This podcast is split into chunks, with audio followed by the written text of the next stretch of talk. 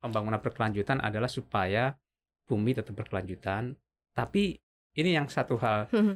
orang kadang-kadang keliru. Yang berkelanjutan hanya iklim, hanya lingkungan. Padahal nggak Tapi, sosial. Ya, betul, betul, betul, Artinya betul, sesuatu betul. berkelanjutan itu kalau membangun perhatikan masyarakatnya Mm-mm. supaya nanti anak cucunya tetap menikmati. Pemerataan itu satu hal yang harus menurut saya ya dan Mhm. kita sebagai masyarakat Indonesia nggak ingin satu orang pun tertinggal. Nah itulah prinsip SDGs. Ya. SDGs salah satu prinsipnya adalah no one left behind. Kemarin Pak Suarso um, Monoarfa juga sudah menyampaikan ada tujuh uh, game uh, changers di Indonesia untuk bisa jadi negara maju nih. Nah, Mm-mm. apa aja sih sebenarnya poin-poin penting apalagi yang berkaitan juga dengan keberlanjutan ini yang bisa jadi game changer?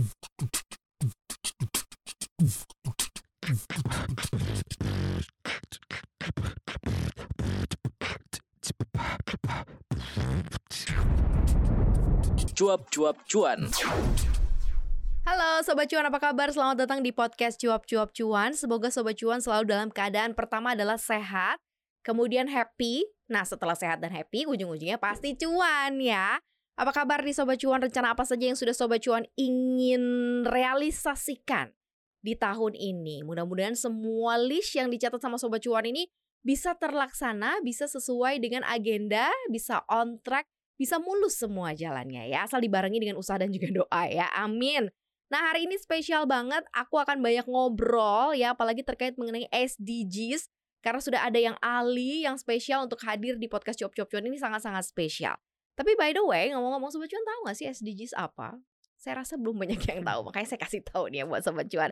Saya sudah bersama dengan Mas Pungkas Bahyuri Ali, staf ahli Menteri Bidang Sosial dan Penanggulangan Kemiskinan PPN Bappenas merangkap juga Kepala Sekretaris Nasional SDG Mas Pungkas. Apa kabar? Alhamdulillah sehat. Ini termasuk salah satu yang tim cuap-cuap cuan dan juga seluruh sobat cuan. Kita punya sapaan nih, Mas Pungkas sobat cuan, bro and sis yang ada di sini gitu ya, generasi milenial dan Gen Z untuk tahu beragam informasi-informasi terbaru apalagi terkait mengenai SDGs. Tadi aku bilang kan, udah pada tahu belum? Kayaknya belum pada banyak yang tahu. Mungkin denger nih SDGs apaan gitu ya. Tapi terus kalau aku tahu apaan, terus kenapa? Gitu nih. Mungkin Iya. Mas Pungkas bisa menjelaskan dengan lebih simple gitu biar sobat cuan tuh nangkep. Ya, SDGs sebenarnya sama seperti yang kita lakukan sehari-hari. Cuman kita melakukan dengan bertanggung jawab Mm-mm. kepada terutama kepada lingkungan. Mhm. Karena bumi ini kan satu-satunya tempat tinggal. Kita kan belum bisa nih pindah ke bulan, belum Mm-mm. bisa ke, ke Mars. Jadi bumi itu tempat kita tinggal satu-satunya. Oke, Sehingga kita harus jaga dia yes. supaya tempat kita hidup. Jangankan untuk generasi ke depan. Generasi sekarang saja udah kerasa gitu kan. Mm-mm. Sekarang kita eh, musim di sini kan musim hujan. Musim hujan kalau di Jakarta banjir. Di Mm-mm. daerah lain Mm-mm. dampaknya lebih besar. Di beberapa negara hujan es. Kadang-kadang suhu ini yang menurut kita normal tiba-tiba tidak normal. Betul. Saya ngerasakan sendiri kalau di saya tinggal di Cisarua ya Mhm. dulu tujuh tahun. Cisarua Pak Puncak. Cisarua Puncak. Ya, Dingin Puncak. dong. Dulu dingin. Sekarang Nah, gimana? Itu sekarang. Dulu saya tinggal di puncak nggak pernah tidur itu di AC itu nggak pernah ya. AC nggak ada. Saya nanam rambutan nggak pernah berbuah rambutan. Mm-mm. Nyamuk nggak ada. Sekarang Kisarua tidur sudah pasang AC itu banyak. Kalau hotel Kisarua banyak yang pasang AC. Cisarua pakai AC. Iya. Karena Padahal kita kalau ke puncak kan memang mencari dingin, Mencari dingin. nggak perlu AC ya Mas ya? Jadi ke mencari dingin, Mm-mm. tapi harus masuk kamar. Tapi itu benar-benar sesuatu perubahan yang kita alami nih ya. Perubahan besar, Mhm. termasuk salah satu yang yang nggak terasa nih teman-teman semua kalau kita makan. Makan itu sudah sederhana ya. Coba bayangkan makan satu piring. Kalau kita tidak memperhatikan keberlanjutan, Mhm. mungkin separuh nggak kita makan. Tapi Aha. kalau kita hitung separuh itu dari ujung dari petani sampai ke meja makan, itu dihitung banyak sekali yang terbuang. Betul. Itu betul. namanya di SDGs namanya food loss dan food waste. Oke, oke. Sebenarnya kalau semua yang ada dari hulu dari pertanian sampai ke meja makan kita konsumsi dengan benar, kita nggak kekurangan pangan. Iya, iya, yang iya. terjadi kita kekurangan pangan karena selama proses itu ada yang hilang, Benar, benar, ada benar, yang benar. dibuang, bahkan yang sudah di meja makan yang siap dimakan pun nggak kita habiskan. Iya, iya, iya, Jadi iya, iya. SDGs itu bagaimana kita bersikap supaya berkelanjutan alam tetap jalan, tetap ramah kepada kita, Hmm, Mhm. nanti anak-anak yang kita tetap merasakan dinginnya Cisarua gitu ya. Iya, Nah, sekarang kan betul. enggak. Yang rasakan saya, anak saya udah nggak ngerasain lagi sekarang. Mhm, mhm, Jadi itu mhm, yang disebut mhm. dengan bertanggung jawab. Pembangunan berkelanjutan adalah supaya bumi tetap berkelanjutan. Tapi ini yang satu hal Mhm. orang kadang-kadang keliru. Yang berkelanjutan hanya iklim, hanya lingkungan. Padahal nggak Tapi sosial Ya, betul, betul, betul, Artinya betul, betul. berkelanjutan itu kalau membangun perhatikan masyarakatnya Mhm. supaya nanti anak cucunya tetap menikmati gitu ya seperti Mhm. itu. Jadi semua hal yang dilakukan oleh Sobat Cuan atau apa pun Hmm. aktivitas Sobat Cuan sekarang lebih dilakukan untuk alam dan jauh lebih bertanggung jawab demi Iya. keberlanjutan alam dan juga untuk generasi ke depannya Ya, gitu ya soal iklim itu ini ya. planet dan Hmm. people untuk manusia. Yes. Jadi dua itu plan. Jadi kita nggak hanya perhatikan orang, perhatikan alam. Dua-duanya harus saling terjaga. bersinambungan gitu Iya, ya iya. Mas ya. Ini yang benar-benar jadi concern kita bersama. Tapi benar sih eh, kata Mas Mukas tadi sudah banyak sekali perubahan ya. Banyak. Mungkin hal-hal simpel yang juga kita alamin yang tadinya apa di rumah bisa mungkin malam nggak pakai AC juga Mm-mm. sekarang harus pakai AC gitu ya. Iya. Bahkan AC itu sebenarnya salah satu yang juga ikut sumbangsi eh, agak merusak alam sebenarnya ya air conditioner. Cuman kalau kita balik lagi karena kan kita juga akan Indonesia ini akan masuk ke dalam Indonesia Emas 2045. Berarti kan 2045 tuh berapa tahun lagi sih? Eh 20, 20. tahunan lagi lah ya. Ya, 20 tahunan 20. lagi. Berarti kan ada banyak hal yang harus dilakukan, ada banyak hal yang harus jadi game changers di Hmm. sini gitu ya. Dan kemarin Pak Suarso um, Monoarfa juga sudah menyampaikan ada tujuh uh, game uh, changers di Hmm. Indonesia untuk bisa jadi negara maju nih. Nah, Hmm. apa aja sih sebenarnya poin-poin penting apalagi yang berkaitan juga dengan keberlanjutan ini yang Hmm. bisa jadi game changer nih Mas Bungkas? Iya, pertama kita harus sepakat dulu. Indonesia emas itu kita kita pinginnya seperti apa sih? Mm-mm. Jadi Mm. Indonesia emas itu visi. Kita pingin seperti apa Indonesia emas? Kenapa disebut Indonesia emas? Karena 100 tahun Indonesia merdeka. Jadi harapan kita bayangan kalau 100 tahun Indonesia merdeka sejak sejak merdeka tahun 45 sampai 2045 kan sudah 100 tahun. Iya. Jadi kita ingin apa nih 100 tahun Mhm. Indonesia merdeka? Mhm. Yang jelas kita ingin menjadi negara maju. Mm-mm. Negara maju, ciri negara maju sesuai dengan topik hari ini apa? Ya kaya, Mhm. uangnya banyak, cukup lah gitu Mhm. ya. Mhm. Cukup. Jadi Rakyatnya sejahtera harusnya gitu ya Pak? sekarang ini kan pendapatan per kapita kita 3000 Ya. US dollar per tahun. Jadi rata-rata mungkin ya 45 3000 itu berapa? 45 juta rata-rata per Yes. tahun. Negara maju nanti 30 ribu. Mhm. Jadi tahun 2045 10 kali lipat dong berarti Mas. kita pinginnya 6 kali lipat lebih kaya dari sekarang. Oke, sekitar 18 ribu dolar. Ya, itu itu yang pertama. Mhm. Yang kedua, sebagai negara maju, kita ingin negara maju. Kita berbicara nih teknologi seperti sekarang ini, Mhm. ya kan sudah sudah suatu yang sangat baru ya, sangat berubah. Mhm. Digital itu sudah jelas. Tadi kita bicara mengenai perdagangan secara dunia maya, digitalisasi. Jadi kalau kita berbicara seperti itu, kita harus embrace digitalisasi. Kita nggak bisa hidup seperti sekarang ini terus tanpa digitalisasi, karena ya. kita tidur, mesin bergerak, negara-negara lain bergerak lebih maju. Mhm. Mhm. Nah, untuk itulah kita harus maju ke digitalisasi. Kemudian yang paling penting sebenarnya itu adalah manusianya, ya kita sendiri. Kita boleh nih berbicara teknologi maju, Mm-mm. berbicara industri 4.0, astronot lah kita Iya, macam-macam. iya. Tapi kalau kita lulusan SD SMP nggak bisa dong. Benar. Jadi manusia yang nomor satu, baru kemudian bicara mengenai ekonomi, berbicara mengenai digital. Nah Mhm. itulah disebut dengan game changer. Game Mhm. changer itu adalah transformasi apa yang kita lakukan supaya tahun 2045 tercapai. Mhm. Satu adalah di bidang eh, transsosial, kita sebut Mhm. sosial ya. Pendidikan, kesehatan, sama perlindungan sosial. Ya. Intinya gini, orang itu harus sehat, cerdas, Mhm. dan terlindungi. Mhm. Kalau itu sudah, kita bisa ber- bisa bergerak ke yang lain. Mm. Kita nggak bisa bicara teknologi tinggi loh kalau lulusan kita hanya SMP. Kan kita rata-rata lulusan kita SMP, rata-rata SMP, benar. Indonesia. Benar. Ya nggak Mm. mungkin bersaing dengan Jepang, Korea gitu ya. Yang kedua kita masih banyak balita kita yang stunting. Yang kalau stunting itu kan usia dua tahun pertama itu otaknya nggak berkembang. Mhm. Kalau saya bayangkan kalau kita ngukir, kita ingin membuat anoman gitu ya. Mhm. Buat anoman di tengah jalan kita sudah membuat bentuk Sri Kandi. nggak bisa kan kita rubah menjadi anoman. Jauh dong. Ya nggak kan? bisa. Nggak bisa. Jadi benar ukirannya benar. sudah 80 persen Iya, sudah jadi nggak bisa iya, dibuat ke betul yang betul lain. betul Nah betul. itu yang terjadi kalau anak kita stunting Mhm. sudah 80 persen anak itu tumbuh sempurna, tapi karena kurang gizi dia tidak sempurna, nggak bisa disempurnakan lagi. Mm-mm. Mm-mm. Jadi manusia. Yang kedua game changernya eh, itu di bidang pendidikan, kemudian kesehatan, kemudian perlindungan sosial. Mhm. Semua anak eh, dilindungi dari kekerasan, Mhm. gitu. karena Mhm. kekerasan juga akan menyebabkan eh, permasalahan pertumbuhan. Mm-mm. Yang kedua ekonomi.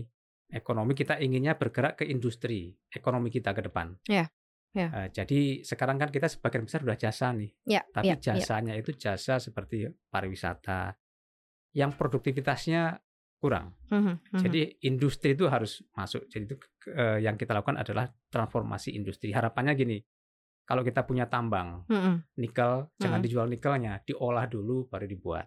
Kalau Nilai tambahnya punya- dulu ya. gitu ya. Jadi produk apa dulu gitu Produk ya, setengah atau dulu. bahkan bisa nanti nextnya jadi gitu ya.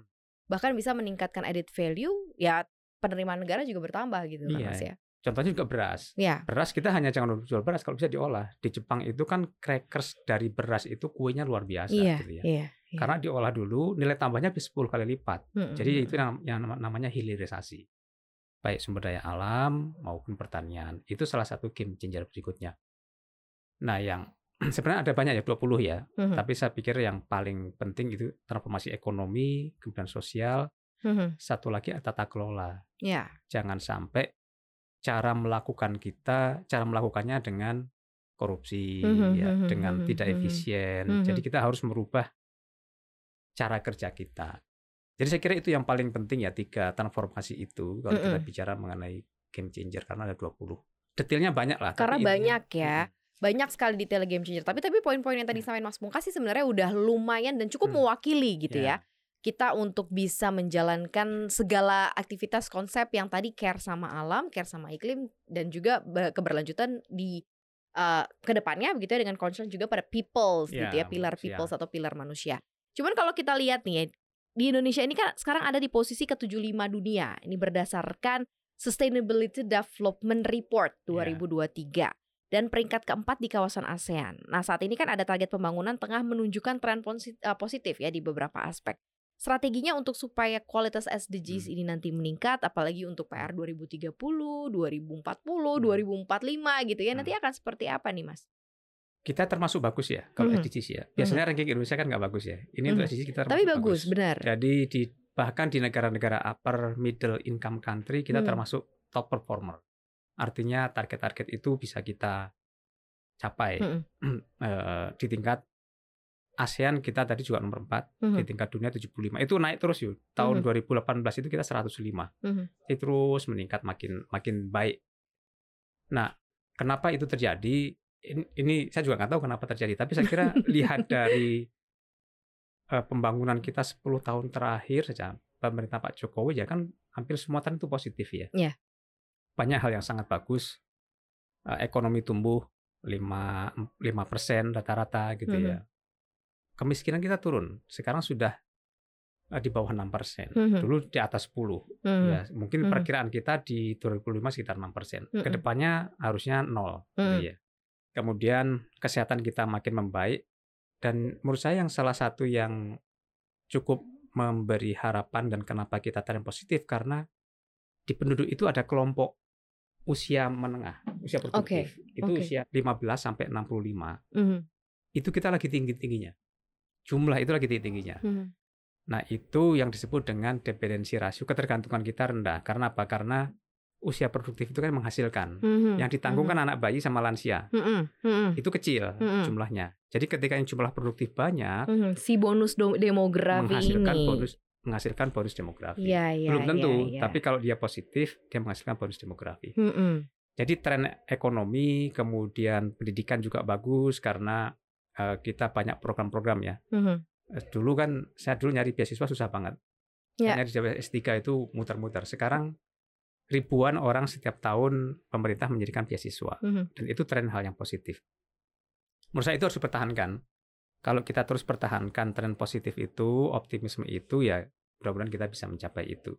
Oke. Tapi yang paling penting kita memang harus bicara optimis ya. Mhm, mhm, Banyaklah di kita yang negatif pasti banyak. mhm. Tapi kalau kita bicara negatif terus mungkin nggak akan bergerak gitu ya. Iya, Ambil yang iya. positifnya dan itu yang kita tingkatkan. Saya kira kita seperti SDGs sekarang. Hampir semua tren itu ada yang negatif ya. Iya, iya, Tetapi iya. itu biasa lah. Tapi yang positif yang kita kejar dan bagaimana supaya kita menjadikan itu positif. Itu Hal-hal yang poin-poin penting begitu ya, hal-hal yang Iya. positif yang itu dikejar gitu ya. tatap ke depan. Tatap ke depan, Heeh. setuju sih. Tapi kan di sini Bapenas juga berperan penting nih, apalagi Hmm. untuk mengatasi ketidaksetaraan uh, regional Ya. dalam mencapai SDGs di seluruh Indonesia.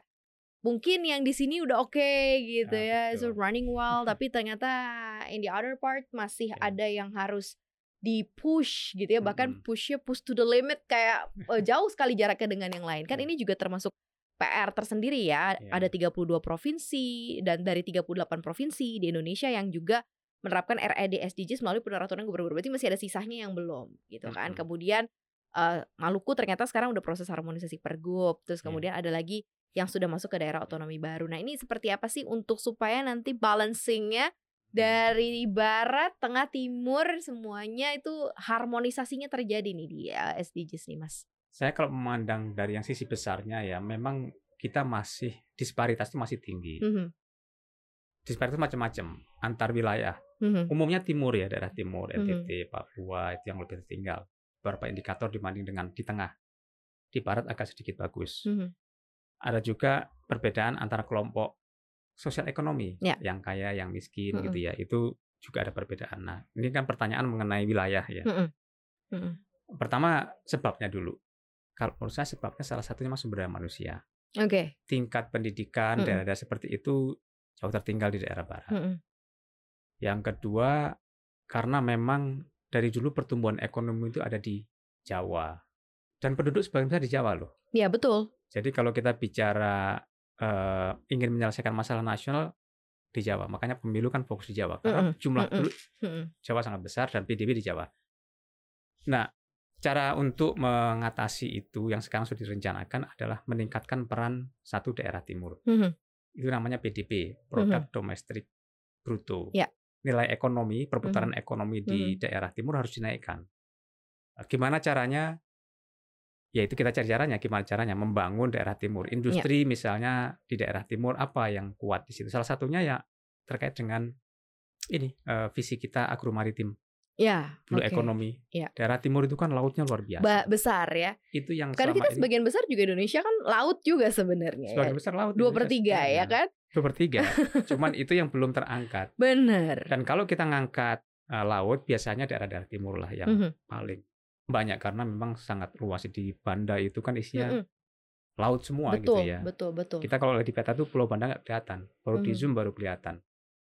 Nah sehingga di dalam Indonesia Emas itu salah satu yang diangkat adalah meningkatkan peran tadi agromaritim, peran maritim Mhm, perikanan itu dinaikkan kontribusinya terhadap nasional. mhm. Satu daerah timur, yang kedua maritim. Nah, kalau seperti itu otomatis akan membantu pengentasan kemiskinan. Tapi sekali lagi yang menurut saya yang paling penting ya sumber daya manusia. Mhm. Kita boleh mendirikan industri maritim di timur, tapi kalau yang nanti yang ngisi orang-orang dari barat, dari Jawa ke situ, mereka tetap tertinggal. Iya, iya. Jadi kualitas sumber daya manusia harus dikejar. Salah satunya itu yang dilakukan itu dengan wajib belajar 13 tahun. Rencananya. Oke, wajib belajar 13 tahun. tahun. Berarti Jadi sampai orang- SMP ya. Sorry, SMA. Oh, SMA, sorry. 3 tahun SMA. SMP, Mm-mm. baru 9 tahun ya. Sama 3 tahun lagi SMA. Betul, bener, Jadi bener. minimal lulusan SMA. Lulusan SMA. Itu yang menjadi dasar. Setiap orang harusnya mendapatkan hak itu. Mhm, Setelah mhm, itu terserah opsi dia, pilihan dia mau sekolah boleh, kuliah boleh.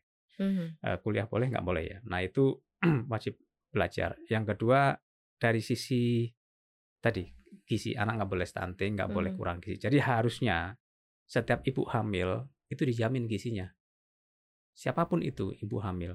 Karena apa? Karena kalau tidak jamin mereka generasi penerus loh. Nanti lahir lemah Mhm, Eh, karena kemiskinan itu diturunkan sebenarnya. mhm. Jadi biasanya kalau keluarganya miskin, anaknya cenderung miskin. Iya.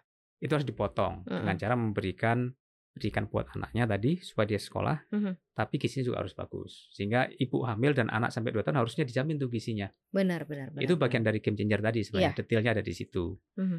Eh, dan itu kalau itu dilakukan akan menolong daerah-daerah yang tertinggal. Karena mereka lah yang tertinggal gitu ya. Jadi Hmm. eh, pemerataan itu satu hal yang harus menurut saya ya dan Mhm. kita sebagai masyarakat Indonesia nggak ingin satu orang pun tertinggal. Nah itulah prinsip SDGs. Ya, SDGs salah satu prinsipnya adalah no one left behind. ya. Seharusnya ya kita nggak boleh kita bagus sendiri di Jakarta, Benar, daerah sana juga benar. Karena mereka juga bayar pajak, Iya, itu mereka dia. juga hidup dengan alamnya, mereka juga bersekolah Iya, gitu iya, ya. iya, iya, iya. Tapi akses mereka kurang. benar, benar, benar. Nah, salah satu cara adalah kita dengan memenuhi akses pelayanan kesehatan, pendidikan, air minum, sanitasi dari daerah timur itu ya harus terutama daerah timur memang. Mhm. Mohon maaf mm, seperti itu sekarang kondisinya. Tapi aspek manusia berarti memang benar-benar sangat berperan penting ya dalam terrealisasinya semua program terkait mengenai SDGs ya. Poin Ya. pentingnya ada di sana berarti ya Mas ya. Kalau kita lihat Singapura, dulu Singapura, Indonesia, Korea itu setara loh ekonominya loh. Kenapa Singapura itu jadi maju? Karena mereka ada constraint, mereka nggak punya resources, nggak punya sawah, nggak punya laut, Mhm, gitu ya, Eh, nggak punya hutan. mhm. Tapi dalam kondisi constraint tidak punya resource, mereka kreatif. Mereka lakukan adalah mendidik manusianya dulu supaya mampu, supaya dia bisa bersaing. Mhm. Korea itu maju sekali karena dia ter- eh, tersaingi dengan Jepang. Mhm. Dulu kan Korea dijajah Jepang, dijajah oleh Cina, mereka tertinggal. Begitu mereka sadar, mereka yang pertama dilakukan adalah sumber daya manusianya. Pendidikannya itu dikeber, orang kalau Hmm. udah pinter, sudah punya akses pendidikan, dia bisa menciptakan lapangan kerja sendiri. Mhm. Itulah yang membangkitkan perekonomian jauh lebih tinggi dan meninggalkan Indonesia. Mhm. Nah itu yang harusnya kita lakukan. Jadi kuncinya memang menurut saya tetap di sumber daya manusia lah gitu ya. Yang harus selesai dulu, nggak boleh ada anak nggak sekolah Iya. gitu ya. Nah, Minimal itu. pendengar kita ini kan hampir relatively semuanya sobat-sobat cuan muda nih Iya. yang mungkin akan Hmm. menjadi tonggak begitu ya Hmm. keberhasil dalam Hmm. uh, SDGs ini ke Hmm. depannya dan mereka juga berperan ya untuk bisa merealisasikan ini next Hmm. untuk menuju Indonesia Emas 2045. Mas Bungkas ada pesan nggak nih buat mereka yang dengerin kita hari ini supaya obrolan kita uh, lebih implementatif di mereka gitu. Oke, Iya. gua harus apa nih? Biasanya kan kayak gitu. Iya, Soalnya mereka iya. sekarang yang kayak gitu. Kalau misalnya eh, pengen kayak gue harus apa pertanyaannya mereka selalu seperti itu nah ini supaya keberlanjutan ini menjadi salah satu yang eh, terrealisasi ke depannya gue harus apa mereka tanyanya kayak gitu gimana nih mas Bukas Ya, eh, ini teman-teman jangan salah ya. Pemerintah itu kontribusinya terhadap pembangunan secara ekonomi paling hanya 20%. hmm. Jadi kalau di anggaran APBN yang bertriliun-triliun itu, 22 Iya, ribu triliun, itu sebenarnya sangat kecil. Mhm. Dengan seluruh ekonomi perputaran itu hanya 20%, seperlimanya. Sisanya siapa? Sisanya masyarakat, swasta, dan mereka-mereka ini. Mhm. Jadi eh, teman-teman yang muda ini memang harus berinovasi. Semuanya jangan berharap dari pemerintah, gitu ya. Pemerintah hanya fasilitasi. Itu yang Mhm. kita lakukan. Kita harus lakukan itu memang. Tapi upaya itu harus dari kita sendiri. Sehingga sebenarnya justru salah satu pesan SDGs bagaimana kita pemerintah menjadi fasilitator. Mhm. Apa yang mereka butuhkan menjadi mak comblang. Mereka Mm-mm. butuh apa? Mhm. Lingkungannya perlu pajaknya diturunkan, kita turunkan pajaknya Mhm. perlu ada akses kepada satelit supaya mereka bisa eh, bisnis online Iya, kita iya, tingkatkan satelitnya. Mhm. Tapi yang melakukan itu ya anak-anak muda sendiri gitu. Mhm, Kita nggak bisa mhm. maksa dan kita pemerintah tuh nggak ahli bisnis loh. Hmm.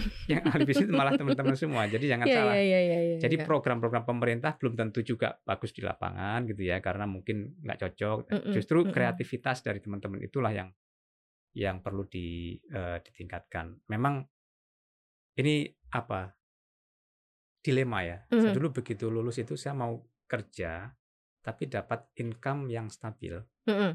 atau saya ingin eh, berusaha supaya leverage-nya tinggi. Mhm. Kalau orang kalau berusaha kan cepat lebih kaya dibanding dengan gaj- gaji pemerintah. Mhm. Pemerintah kan segitu-gitu aja. Iya betul Jadi tantangannya seperti itu.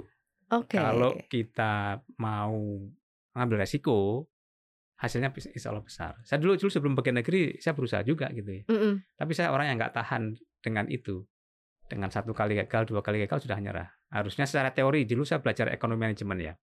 Kira-kira kalau kita ingin berhasil, kita mencoba 4-5 kali usaha, Mhm. baru stabil. Mhm. Nah kalau sudah seperti itu, ya insya Allah akan stabil. Jadi tetaplah berusaha terus gitu ya. Kalau Mhm. memang ada turun naik, ya itu harus kita siap. Insya Allah dengan seperti itu justru membangun apa mental kita bener dan setuju jangan berharap satu kali usaha langsung berhasil gitu ya. iya iya jarang iya, iya. ada tapi jarang sekali lah gitu ya. ada tapi jarang tetapi tidak pernah usaha itu mengkhianati hasil. Jadi Ah, betul, setiap proses. usaha proses Ya. seperti apa pun hasilnya tuh pasti akan ada gitu ya. Ketimbang tidak berusaha sama sekali sobat cuan Karena ya. kalau gagal pun itu proses karena kita Betul, belajar betul. dari kegagalan. Mhm. Setelah belajar dari gagal lah kita bisa ambil nilai positifnya gitu. Baru kita lanjut lagi berikutnya. Setuju banget ya. Dan kayaknya kurang nih podcast kita. Mungkin next nanti ada part 2, part 3, part 4 ya Mas Siap, Bungas ya. Soalnya menarik sekali untuk kita perdalam lebih detail lagi soal SDGs ini. Tetapi yang jelas tadi Sobat Cuan sudah dengar bahwa peran kita sebagai manusia Sebagai penghuni planet bumi ini sangat-sangat besar gitu ya. Ketika kita bisa menjaga lingkungan dan iklim kita Maka dunia ini akan ready untuk digunakan begitu ya Stabil mungkin untuk anak cucunya Sobat Cuan nanti gitu Apalagi Hmm, Sobat Cuan yang Gen Z Gen Z umurnya baru early 20 ya. kamu pengen lihat nanti 30, 40, 50 tahun lagi kamu hidup anak-anak cucu kamu bisa eh, menikmati gitu ya hasil dari segala concerns kita terhadap alam, terhadap social, terhadap humans yang sebagai eh, penggerak ini semua. Dan Sobat Cuan juga partnya ada di sana pastinya ya. Terima kasih Mas Pungkas sudah datang ke cuap-cuap cuan beneran loh ini kayak waktunya kurang banget gitu ya kita belum lagi detail ngomongin soal blue economy kenapa kok Hmm. green economy lebih digembar-gemborkan padahal 2 per 3 persen kita tuh banyak lautan Laut, gitu ya laut. Heeh, kenapa kok nggak itu kita juga bicarakan gitu di Mm-mm. podcast kita supaya ilmu pengetahuannya Sobat Cuan juga makin berkembang. Thank you banget sekali lagi Bapak Nas sudah mau main-main ke sini. Ditunggu Cuap Cuan diundang, diundang ke Bapak Nas ke sana ya. Ya. Terima kasih Sobat Cuan udah dengerin podcast kita hari ini. Jangan lupa dengerin konten-konten kita lain yang hadir di Apple Podcast, Spotify, Anchor, dan follow aku di Instagram kita di @cuap underscore cuan dan subscribe to channel kita di cuap cuap cuan. Like, share, dan juga komen. Terima kasih Sobat Cuan udah dengerin podcast kita hari ini. Maria Katarina dan juga Mas Pungkas di sini pamit. Bye bye Sobat Cuan. Terima kasih.